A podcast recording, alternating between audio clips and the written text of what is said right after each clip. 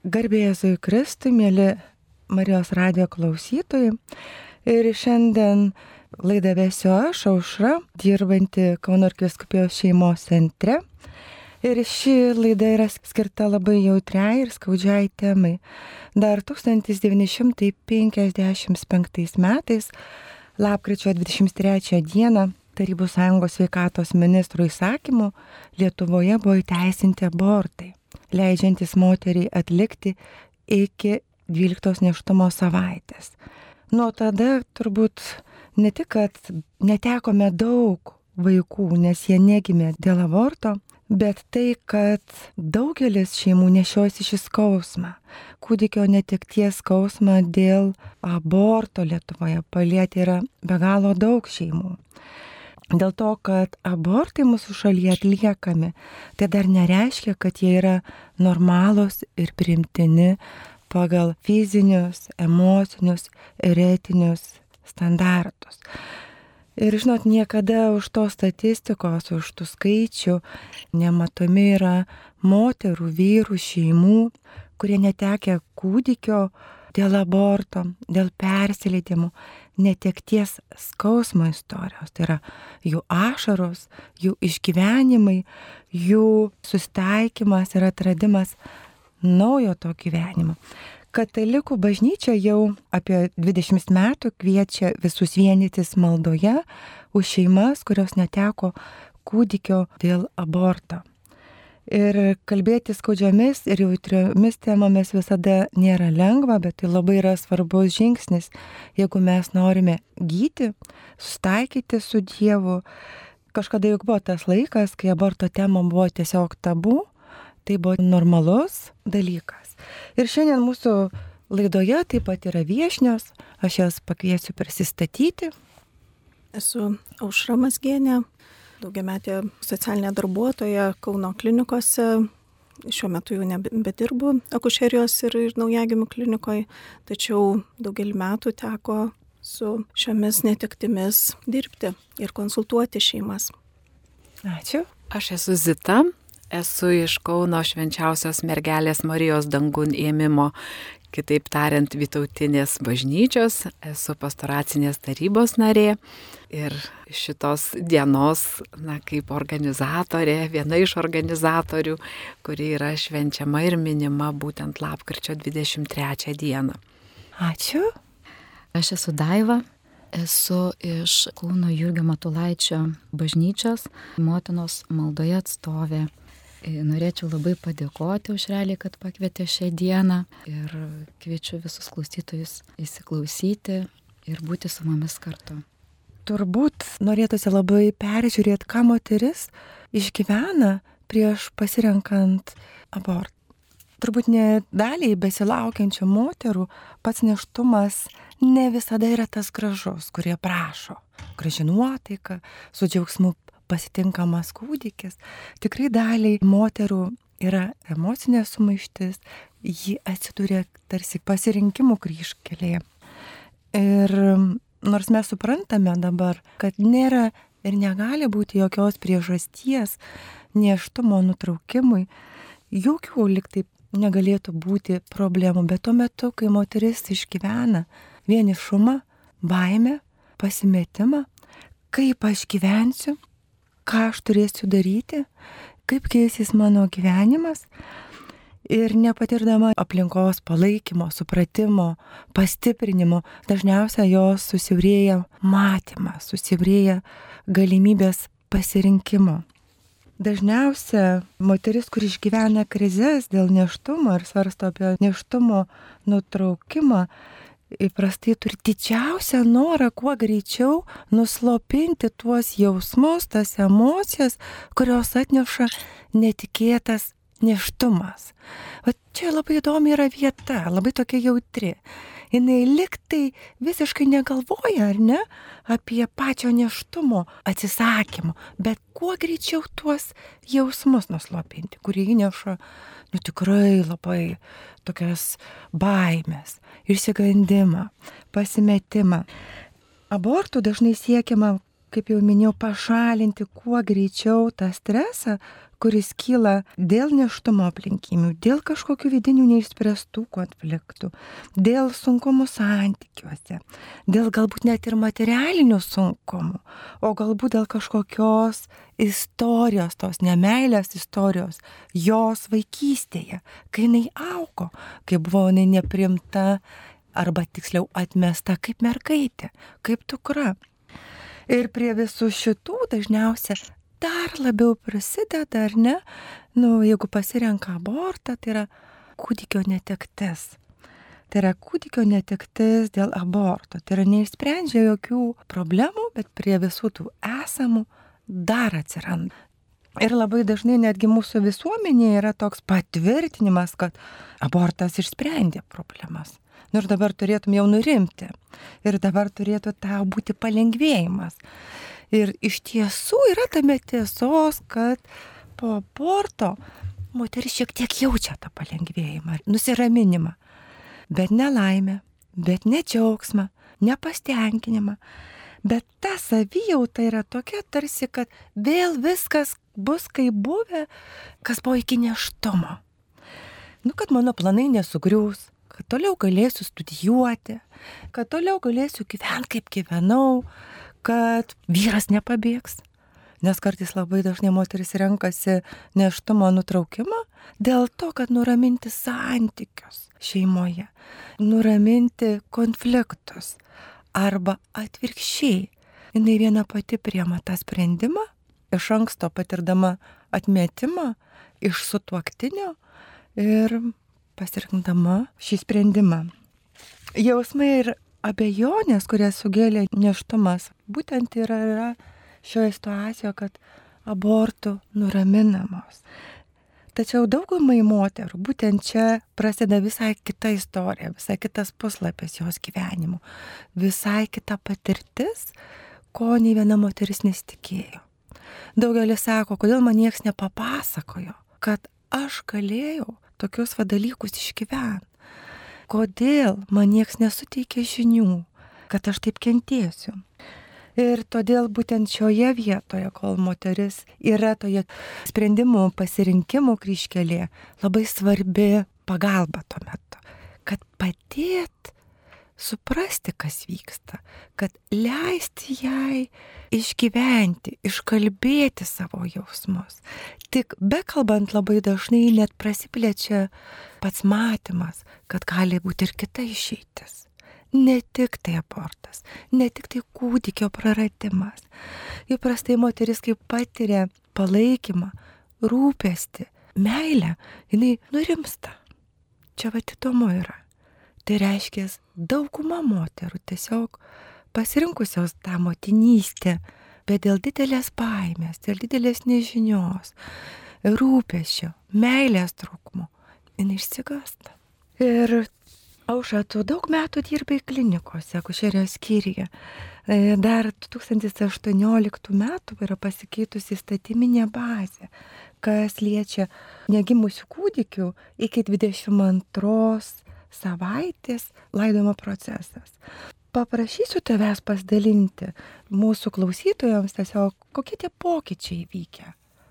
Tai kalbant šią temą, kada moteris savo norų nutraukia gyvybę, na, nežinau, kiek čia būtų aktualu, bet gal net ir šitoj situacijoje būtų aktualus klausimas, kas vyksta toliau su mano vaikučiu, kada jisai yra užgimsta ir jis neturi galimybės išgyventi. Tai vadinama žmogaus vaisium iki 22 savaitėlės.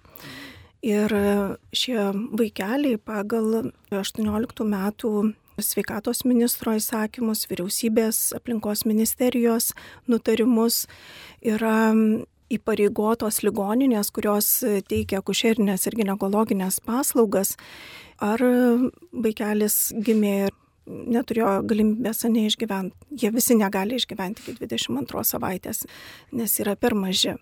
Tai šie vaikučiai yra ligoninėse atskirai turi būti, taip įpareigotos ligoninės yra atskirai juos rinkti, kremuoti ir palaidoti atskirose vietose.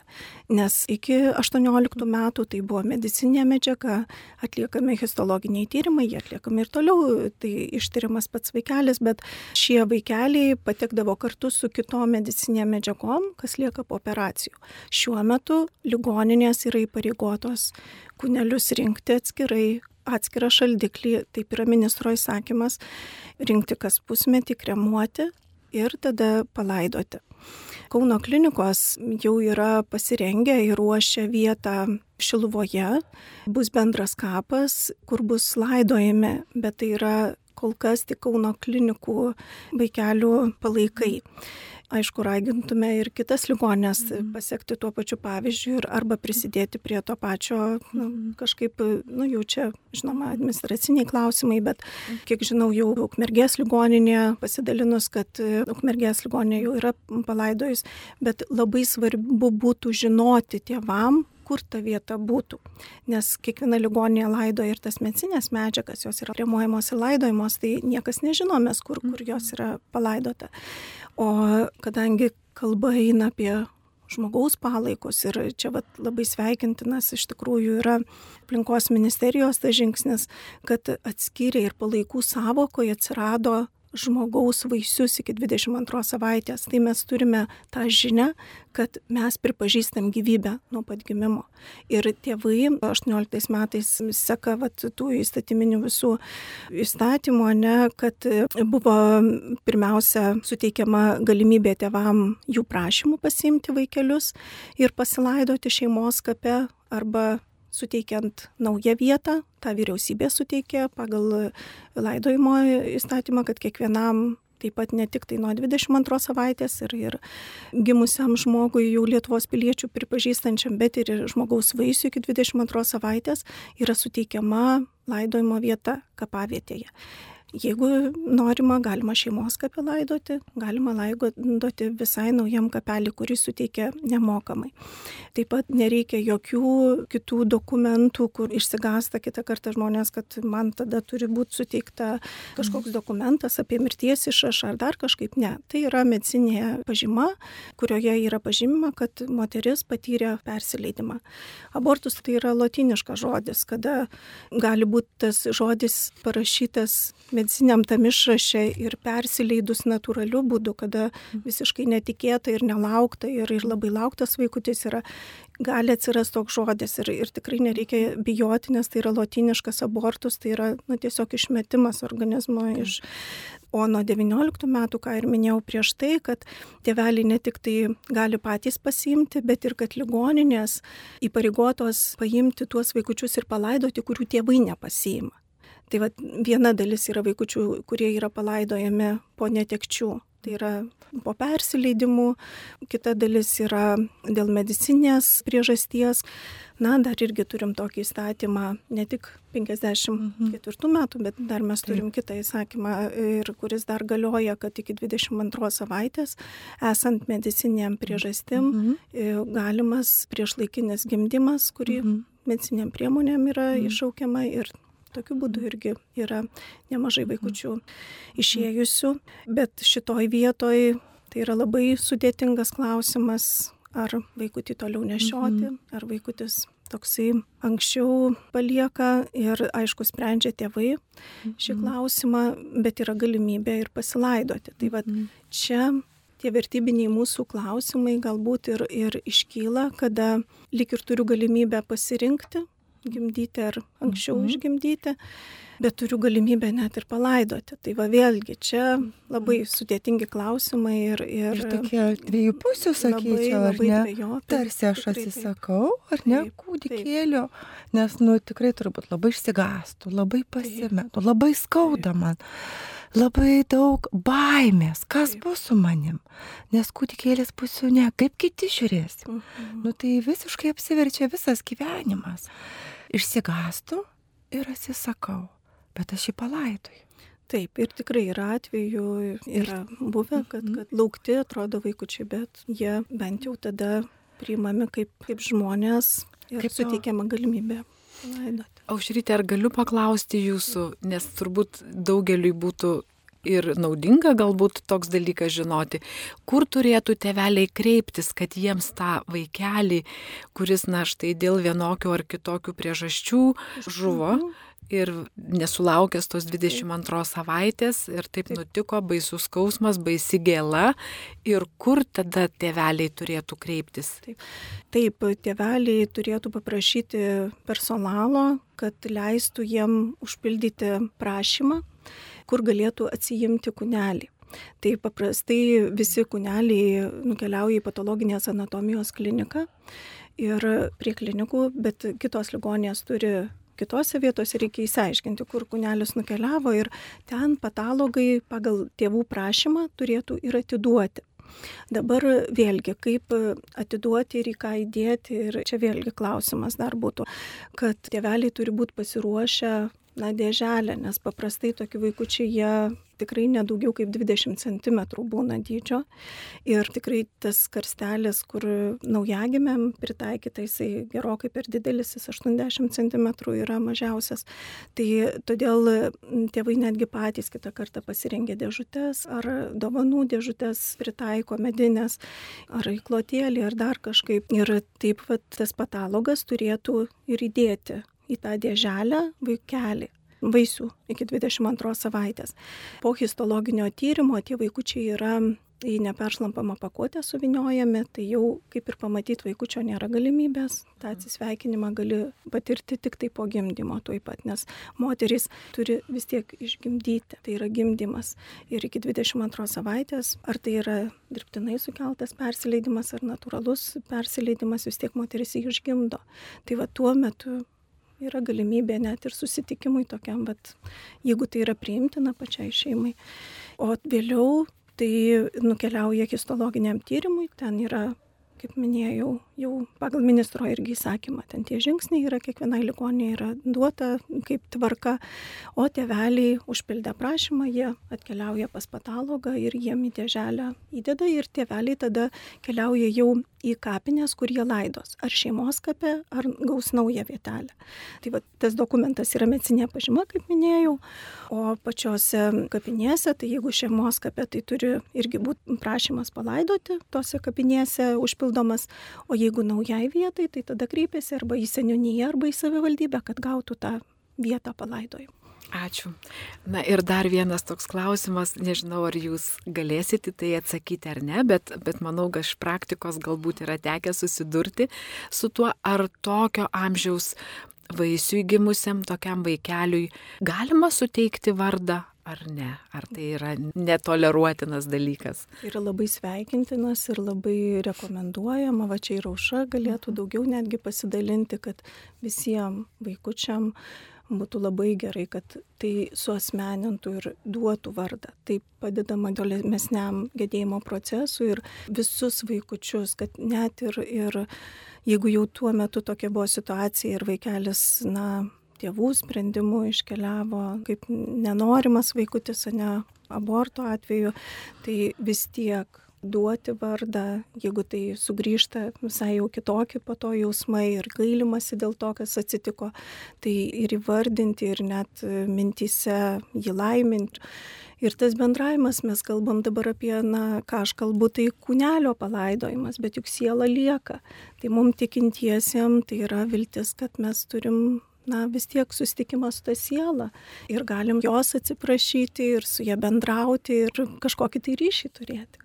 Iš tikrųjų, ta natūrali mirtis tai atveria tokias duris, ar ne, natūraliam, atviram gėdėjimui, kai vyksta natūrali mirtis, pavyzdžiui.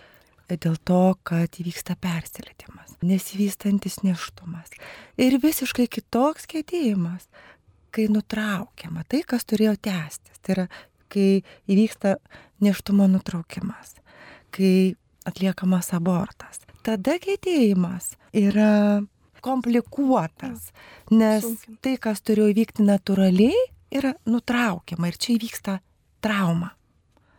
Ir čia įvyksta komplikuotas kėdėjimas, tas uždaras kėdėjimas. Visi ir visa aplinka mato, kad tu susitvarkiai, arba liktai pati savo sakai, kad susitvarkiai, bet jautiesi taip blogai išgyveni liūdėsi, depresiškumą, stiprią kaltę, kad tu nesugebėjai apsaugoti savo kūdikio.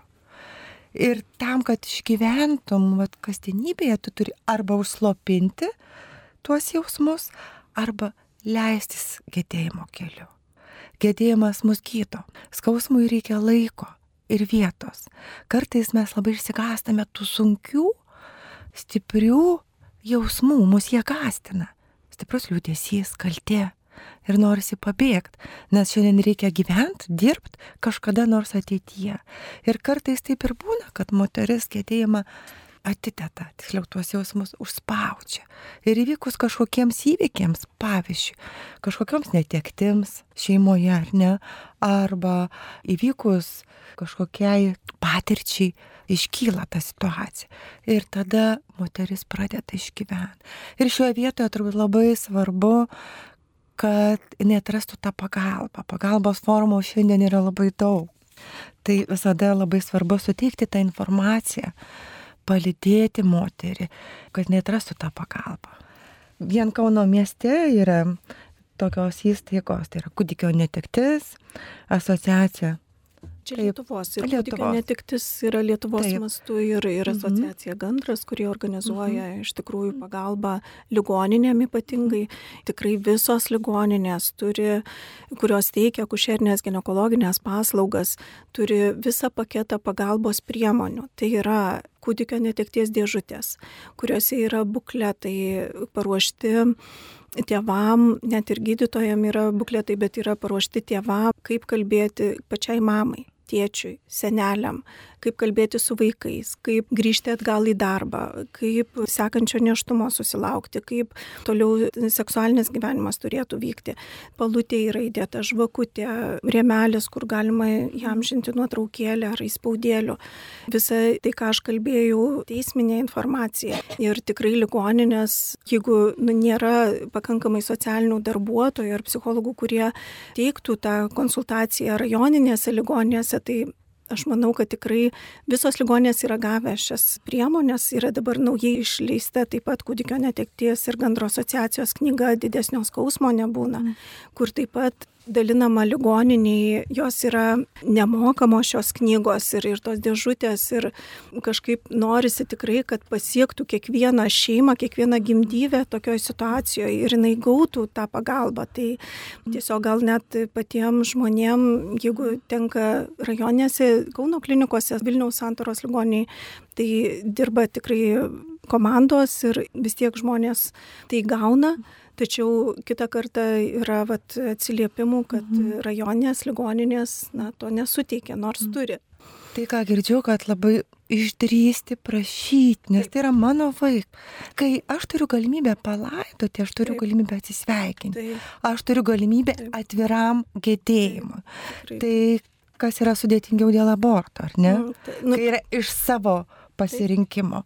Nes įprastai tada tu turi vis tiek praeiti tą procesą kažkada, ar ne, tą atsisveikinimo, palaidojimo, kaip ir minėjau, tą vardo suteikimo. Suteikti, nu, tam vaikeliui prarastam žmogaus prasme. Ir dar noriu vat, įsiterpti, kad tie mm. visi palaikai, tiek bet kokios ne, vaikelio mirties priežasties, mm. nežiūrint, vat, ar iki tos 22 mm. savaitės apie žmogaus vaisių kalbam, tai jie visi turėtų būti mm. atskirti ir jie turėtų kaip žmonės būti palaidoti arba tėvelių paimami, arba ligoninė turėtų tą padaryti. Tai mhm. iš tikrųjų labai viliuosi ir tikiuosi, kad ligoninės visos tą daro. Tai labai kviečiau tikrai dar kartą ir drąsinu tėvelius, artimuosius ligoninėse atsitikus šiai situacijai kūdikio netekčiai išdrysti prašyti tos dėžutės, išdrysti prašyti pagalbos, nes tai yra jūsų patirtis, tai yra jūsų skaudi istorija. Ir Katalikų bažnyčia lapkričio 23 dieną kviečia visus vienytis maldoje už šeimas, kurios neteko kūdikių. Ir Azita, kuo svarbu paminėti šią dieną savo parapijoje? Kokia tai nauda? Ar galima kažkaip paliesti žmogų ar ne per adoraciją, šventas mišes? Taip, be abejo, aušros ir viena ir kita aušra labai gražiai pasakojo ir kalbėjo apie tai, labiau galbūt apie tą fizinį vaikelio kūną, apie vardo suteikimą, apie vat, tą tokį apčiuopiamą dalyką, tačiau šitos netektys palieka be galo didžiulį neapčiuopiamą skausmą, kurio pačiupinėt mes negalim. Ir jis pasireiškia kaip ir vat, minėjo užra vienoms moterims, vienoms šeimoms greičiau, anksčiau, kitoms galbūt tik po keletos metų, gal po keletos mėnesių, bet jis neišvengiamai paliečia visus, jis paliečia, na ne tik moteris, iš tiesų tai paliečia ir vyrus. Tik vyrai galbūt nenori to pripažinti. Ypatingai, na, sakykim, to jau medicininio aborto atveju, kada abortas yra kaip sveikatos indikacija, sakykim, taip vadinamas. Bet ypatingai vyrus paliečia ta kūdikio netektis, kada tai vyksta na, dėl įvairiausių kitokių priežasčių, persileidimai ir, ir visa kita. Tai tą lapkričio 23 dieną, kuri yra skirta negimusio kūdikio dienai, ateiti į bažnyčią, ateiti į šventas mišes, į adoraciją, į šlovinimo laiką ir tiesiog pabūti su savim, su savo mintim, liūdnom, skaudžiom ir pajausti, kad tu esi ne viena tokia, kad yra daugiau tokių žmonių, yra daugiau tokių šeimų, yra tokių žmonių, kurie na, tave palaiko, gali melsti su tavimi kartu. Ir tai iš tiesų teikia tam tikrą ramybę.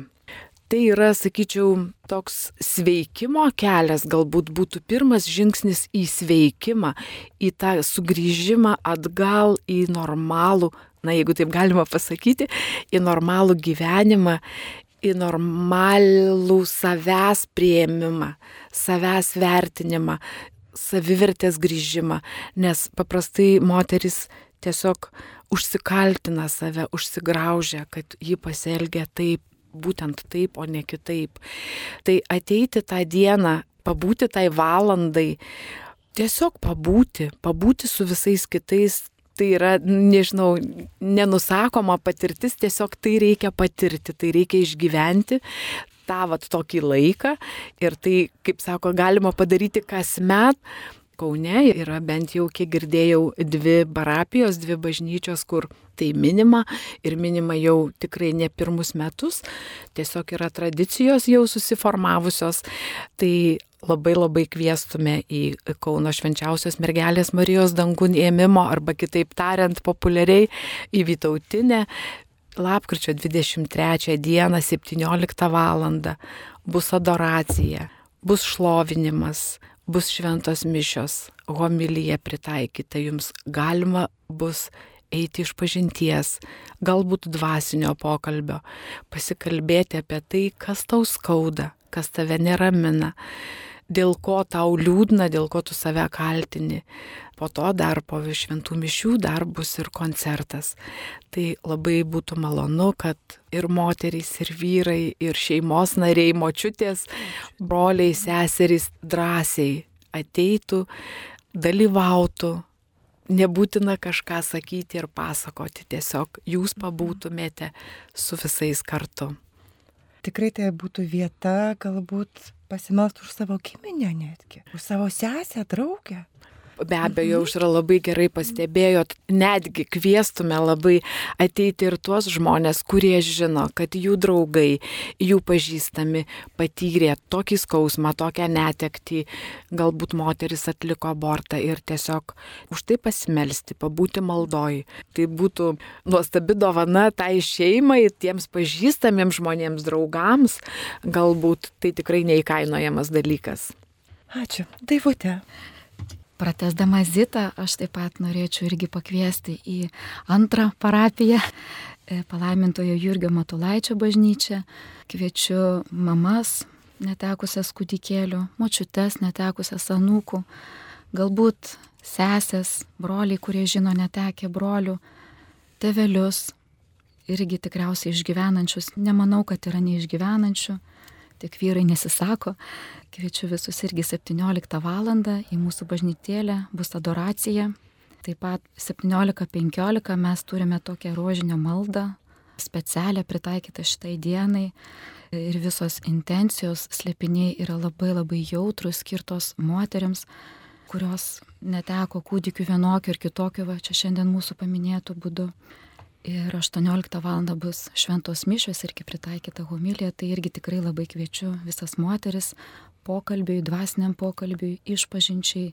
Tai tikrai yra labai jautri diena ir moteris turi galimybę gauti atleidimą iš viešpatės, kas jai yra labai svarbu, kas yra būtina. Ir melskime vienos visos mamos už kitas mamas. Tai kviečiame visus ir kas negali ateiti, taip pat močiutes, kurios radijos klauso ir, ir neturi galimybės atvykti, melskitės močiutės su mumis kartu, nes jūs esat mūsų šaunuolės ir mūsų didžiausios karės šiame pasaulyje. Ačiū labai. Pabaigai tiesiog norėčiau dar kartą pakviesti visus tikinčiuosius ir netikinčiuosius, kad ateitumėt į bažnyčią ir atneštumėt tą savo skausmą. Tai lapkričio 23 dieną bus ir Matulaičio parapijoje, ir Vytauto bažnyčioje, Kauno mieste, pradedant adoraciją ir baigiant šventomis mišiomis. Ir būkime visada jautrus kito skausmui. Jeigu matome, kad iš tikrųjų skauda žmogui, tai galim apglėpti maldą, galim nukreipti pagalbos ir pagalba yra teikiama kūdikio netektis, ar ne? Kūdikio netekties puslapyje. Yra kūdikio netekties puslapyje. Yra gyvos konsultacijos. Asociacija Gandras, taip pat Kauno ir Kviskupijos šeimos centre, krizinio neštumo programoje, kur teikiama pagalba tiek besilaukiančiam moterim, tiek netekusiam kūdikiu. Taip pat galima atrasti Rachelės Vinogino rekolekcijas.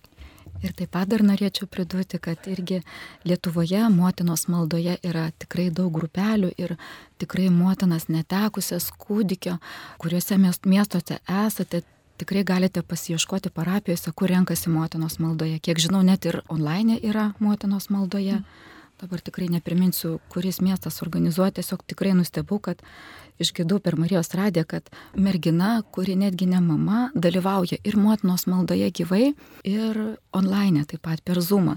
Tai buvau tikrai nustebusi, kad yra tokių gražių širdžių, taip kad junkimės į bendrą maldą ir tikrai viešpats mūsų apdovanos malonėmis. Tai dėkoju mūsų mėlyjams Marijos radio klausytojams ir dar kartą pakviečiam kad e, negimusio kūdikio dienos minėjimui, tai yra lapkričio 23 dieną, kviečiame savo parapijose apsijungti maldoje už tuos, kam skauda. Ačiū mėlysiams klausytojams uždėmesi, už jūsų laiką skirtą mūsų laidai. Na ir sakome iki kitų susitikimų. Sudė visiems klausytojams būkite palaiminti.